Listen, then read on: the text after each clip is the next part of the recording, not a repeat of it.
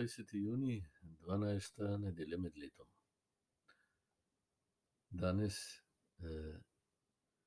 nas Marko popelje pred Jezusa, ki pomiri neurje. Najprej povabi: "Pojdimo, odrinimo na drugo stran." Ko se odločim, da grem z Jezusom na drugo stran, pride moje življenje v še večje neurje, strahov, dvomov, nevere. In, zdi se, da me lahko življenjske težave, trpljenje, preganjanja in stiske lahko potopijo.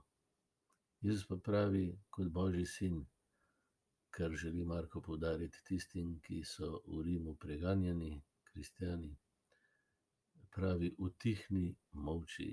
In, nevihta, neurje utihne.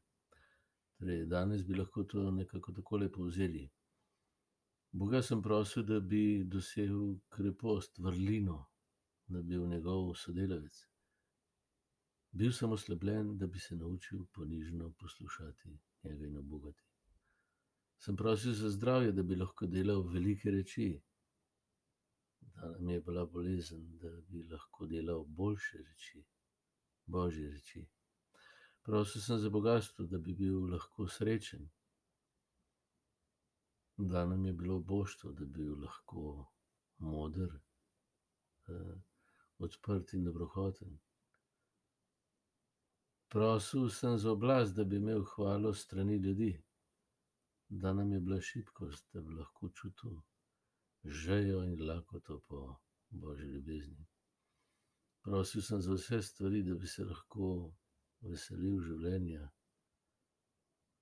Dano mi je bilo življenje, da bi se lahko veselil vseh stvari. Dobil nisem ničesar, za kar sem prosil. Dobil sem pa vse, kar sem upal.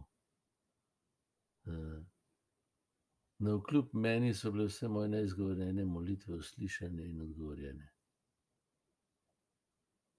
No, naj dodam samo še to: Bog ne pošilja bolezni, obuštva, šibkosti, ampak so to te nevihte, ki jih on utiša, če mu jaz dam besedo in vidim, da so vse te stvari priložnost, da sem še bolj trden v odnosu, še bolj sin, še bolj brat, še bolj srečen, še bolj moder, še bolj nekdo, ki rahločutno življenje živi kot dar in ga upa deliti naprej. Ker ni njegova last, ampak dar, ki je za vse in se razcveta, ko ga podarijo.